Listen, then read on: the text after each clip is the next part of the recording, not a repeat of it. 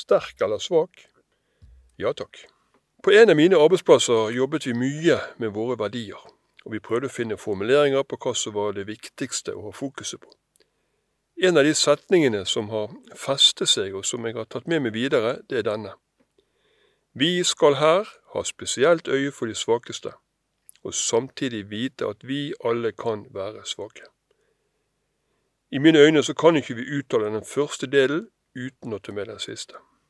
Fordi at om jeg skulle ha et syn på meg sjøl som at jeg er den flinke, sterke, noenlunde vellykkede, som da skal hjelpe alle de stakkars menneskene som ikke har lykkes, da har jeg et syn på meg sjøl, og ikke minst et syn på mine medmennesker, som ville diskvalifisert meg fra jobben på ca. en uke.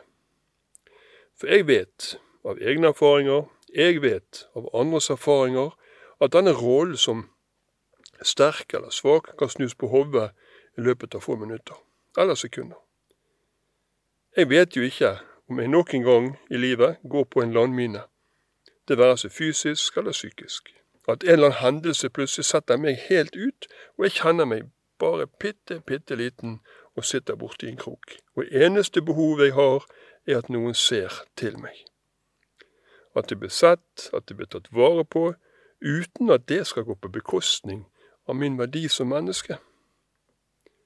Jeg blir jo ikke en dårligere person eller dårligere far, ektefelle eller venn.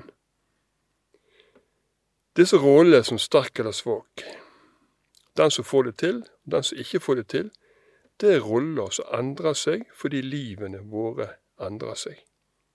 Alle som har levd en stund, vet at det kommer både gode dager og det kommer dårlige dager. Da er det viktig å ikke sementere disse rollene oss imellom. At en er sterk, den andre er svak. For da har vi ingenting å gå på den dagen vi trenger det. Skulle det være en venn eller en kollega som ber meg om fem minutter over en kopp kaffe fordi han eller hun ikke har det helt greit, så opplever jeg jo det som en tillitserklæring. Og samtidig så gir det meg en utfordring. Hva skal til for at jeg sjøl melder mine behov når det trengs, når jeg trenger kanskje å være den svake?